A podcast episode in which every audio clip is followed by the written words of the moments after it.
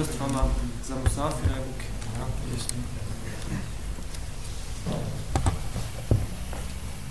Ispričao nam je Kutejbe, kaže, nama ispričao Ebu Avane, on je prenio Sejda ibn Mesruka, on od Ibrahima, Etejmija, on od Amra ibn Mejmuna, a on od Ebu Abdullaha el Džededelija, a on Huzeyme ibn Sabita, a on vjerovjesnika sallallahu alaihi wa sallam. Da je upitan po mesu, po mesu. Pravili smo nekakav uvod po pitanju ove tematike u našem prošlom predavanju. Sada je spomenuo imam i tirmidi hadith Allahu poslanika sallallahu alaihi wa sallam koji govori o trajanju ove olakšice koja se zove mesa. Koliko je to vrijeme koje je dozvoljeno da čovjek koristi ovu olakšicu? Da li je ono ograničeno ili neograničeno? Zatim, ako je ograničeno, da li je isto ograničenje za onoga ko se nalazi kod kuće, koji se zove mukim, ili nije u odnosu na musafira, odnosno putnika. Tako je spomenuo ovaj hadith Allahu poslanika sallallahu alaihi wa sallam gdje je upitan po pitanju trajanja koliko je čovjeku dozvoljeno da koristi ovu olakšicu mesha po mestvama pa je rekao Allahu poslanik sallallahu alaihi wa sallam lil musafiri thalathatu ayyamin wa lejalihinne wa lil muqimi yawmun wa lejle da je ta olakšica za musafira tri dana i tri noći a za mukima koje kod kuće dan i noć. Sljedeći također hadith koji će doći od Safvan ibn Asal al-Muradija radijallahu ta'ala anhu također govori o ovoj problematici. S tim da ima još drugih nekih mesela koji su vezane za ovu olakšicu. A taj hadith koji će doći kasnije jeste o Safana ibn Asal al-Muradija radijallahu ta'ala anhu koji kaže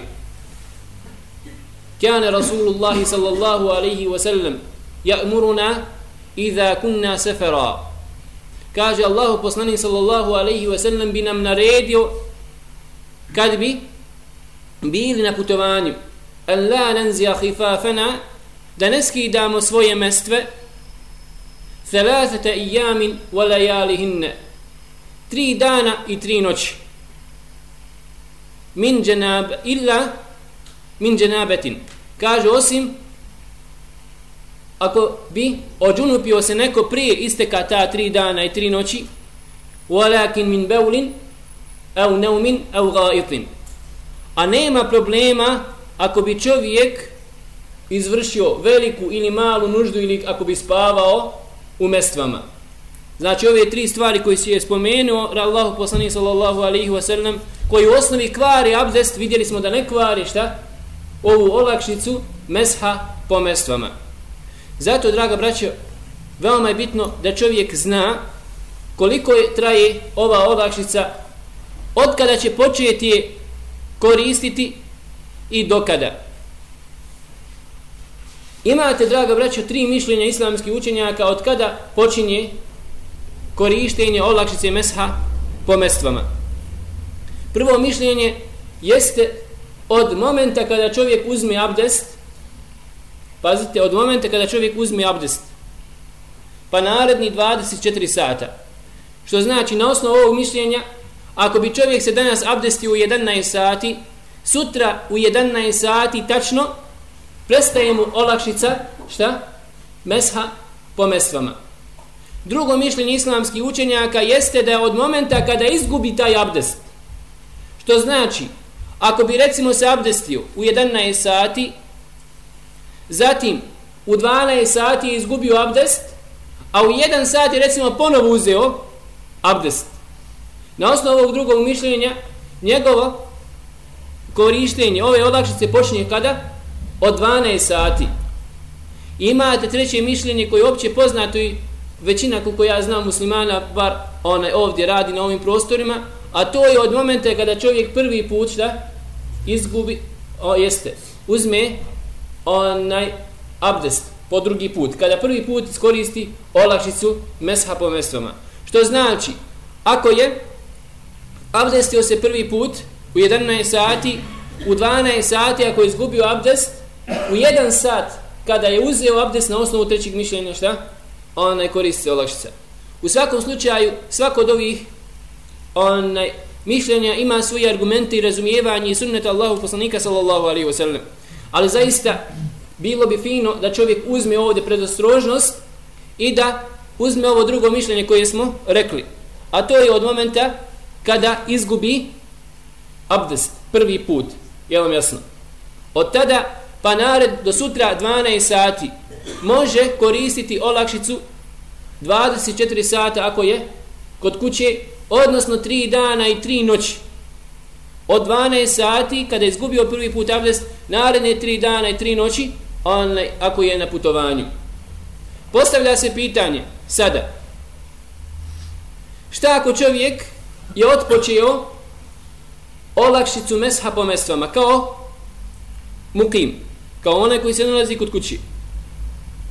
Međutim, ispadne mu prilika i krene na putovanje. Je vam jasno? Kao recimo, uzeo je mes po mestvama u jedan sat danas, prvi put. Imao je namjeru u tom momentu da bude mukim, da ne putuje. Međutim, ispalo mu je putovanje, putuje za Mostar, primjer. Da li će sada koristiti olakšicu muklima, kao što je otpočeo, ili će koristiti, šta je, samo nastaviti olakšicu koju mu Allah poslanik sallallahu dozvolio za putnika. Ima tu situaciju. Imate situaciju da čovjek bude putnik. Putnik i koristi olakšicu mesha po mestvama kao putnik i recimo nakon dva dana, ima pravo tri dana i tri noći, međutim nakon dva dana korištenja vrati se u rodno mjesto. Prekinuo putovanje, je vam jasno? Da li će nastaviti ovu olakšicu ili neće? U oba dva ova slučaja, draga braćo, osnova je jedno pravilo u suli fiku. A to je Ešeku fir ruhas juđibu ar ruđu ila asl. Kažu islamski učenjaci, svaka olakšica, kada čovjek se nađe u nedvoumici, pazite, kad se nađe u nedvoumici, da li će koristiti olakšicu ili će prekinuti tu olakšicu, mora se vratiti ono što je osnova. A osnova je šta? I za putnika i za musafira koliko? Jedan dan, jedna noć. Što znači u oba dva ova slučaja bilo da čovjek promijeni nijed sa mukima na musafira, bilo sa musafira na mukima u onom, znači, povratku, kao što smo naveli ovdje, povratku putnika u svoje rodno mjesto, automatski nakon dva dana, recimo, ako je koristio više od jednog dana, jedne noći, automatski čim se vratio, gubi više pravo olakšici. A onaj mukim koji je otpočio potirati mes po čerapama kod kuće, pazite, automatski čim je krenuo na putovanje, ima pravo samo da završi dan i noć. I nakon toga će obnoviti abdest, obnovit će mes, jel razumite, ponovo uzet će od početka, one opraće noge i obuće mestve i onda tek mu na putovanju važi tri dana i tri noći.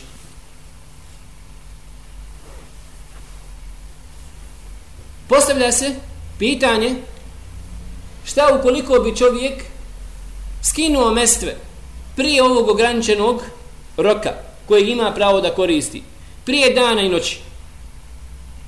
Je li njegov abdest ispravan ili nije?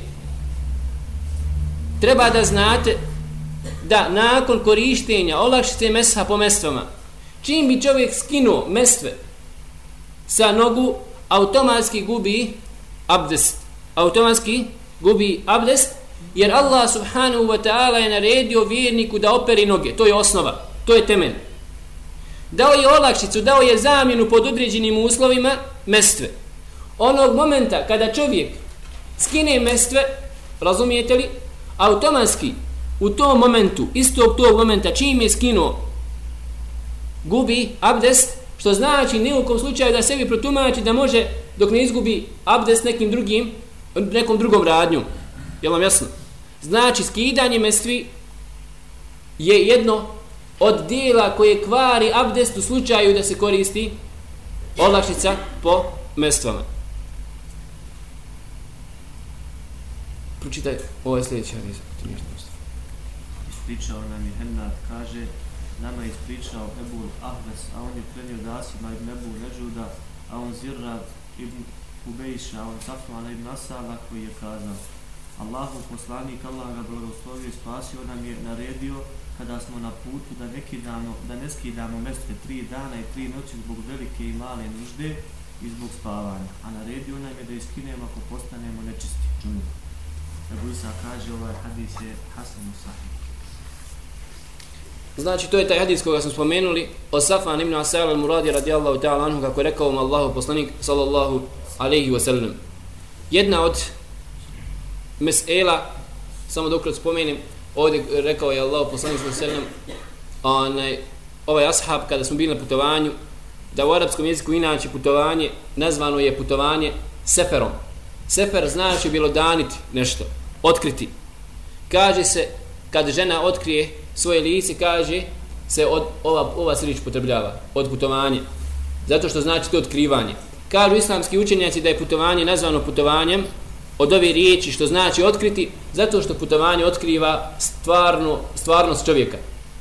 Otkriva se čovjek kakvo je njegova duša, kakve je naravi, kakve je čudi. Jer ne možeš isprobati čovjeka onaj, nikako osim na putovanju. Jer kada je došao Omer ibn Khattab radijallahu ta'ala anhu čovjek da se doći poznat slučaj, šta ga je upitao Omer? Rekao Omer ibn Khattab, ja tebe ne znam, dovedi nekoga da posvjedoči za tebe da si ti dobar, da te zna. Pa je došao čovjek koji je posvjedočio. Kaže, ja ga znam po poštenju, po povjerenju i tako dalje. Kaže, jesi li stanovao pokraj njega, jesi li mu bio komšija pa da znaš da je dobar? Kaže, nisam. Kaže, jesi li ga isprobao u imetku, jesi li dao pare po zajmu da vidiš ili trgovao sa njim? Jer su tim stvarima ljudi ogledaju, vidi se ko je kakav. Kaže, nisam.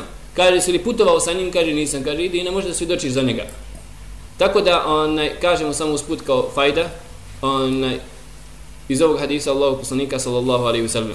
Također jedna od fajdi i koristi ovog hadisa koga smo spomenuli, draga braćo, jeste da onaj, u njemu se nalazi dokaz da spavanje kvari abdest. Jer Allahu poslanik sallallahu alejhi ve sellem je ovdje rekao, spomenuo je, pazite, veliku i malu nuždu i spavanje da ne kvare ko, onaj, olakšicu mesa po mesvama. Što znači da čim je Allah poslanik sallallahu napomenuo ovu stvar koje su bile poznate kod ashaba da kvari abdest, upozorio je da znaju da te stvari koje kvari abdest ne kvari olakšicu po mesvama. Oto da islamski učenjaci ovaj hadis uzimaju kao argument da spavanje, spavanje, što znači spavanje koje proizvede kod čovjeka osjećaj da ne zna za sebe kako smo to govorili, kada smo govorili šta? Onaj, o e, spavanju kao dijelu koje kvari abdest. Da čovjek izgubi osjećaj oko sebe, da ne zna šta se priča oko njega, da ne zna da mu je nešto ispalo iz ruke, onaj, i tome slično kako smo govorili detaljno o toj meseli. Također u ovom hadisu Allahu poslanika sallallahu alaihi wa sallam imate korist, a to je da dženabet, pazite, da ejakulacija bilo čovjeka ili žene u snu onaj, ili također najavi šta? Kvari olakšicu mesha. Što znači, makar čovjek upotrijebio samo recimo 5 ili 6 ili 10 sahata olakšicu mesha po mestvama, ukoliko bi se ođunupio bilo onaj muškarac ili žena, automatski gubi pravo na olakšicu što podrazumijeva da se mora onaj okupati. To bi prilike. Potiranje po mestvama, pod ozgu i pod ozgu. Halali samo. Veoma je bitno je napomenuti, da, zaista draga braćo, da čovjek nekada možda ne pročita neko drugo mišljenje. Zato je veoma dobro napomenuti i ako postoji neka druga mišljenja od islamskih učenjaka. Najićite recimo mišljenje imam i Malika, imam i Malika, rahmetullahi alaih, koji smatra, draga braćo, da čovjek može neograničeno vrijeme uzimati mes. To je mišljenje malikijskog mezheba. Mišljenje malikijskog mezheba i oni uzimaju argument hadith Allahu poslanika sallallahu alaihi wa sallam da je bio upitan Allahu poslanik sallallahu alaihi wa sallam može li se jedan dan uzimati mes? Po mestama kaže može. Može li se dva dana? Kaže može. Može li se tri dana? Kaže može. Može li se više od toga? Kaže ako hoćeš. Ako hoćeš. Međutim ovaj hadith je hadith daif slab onaj što su uzeli učenjaci malikijskog mezheba ali onako kažem uz put radi fajde ukoliko bi čovjek nekada onaj pročitao takvo nekakvo mišljenje jer nije zgorek da ima da zna tu stvar ali ono što jasno upućuju hadisi Allahu poslanika sallallahu alaihi ve sellem poput znači hadisa Safar Safvan ibn Asala zatim onog prvog hadisa koga smo spomenuli ona jasno su jasno to upućuje da uh, je ova olakšica mesha po mestvama ograničena vremenom.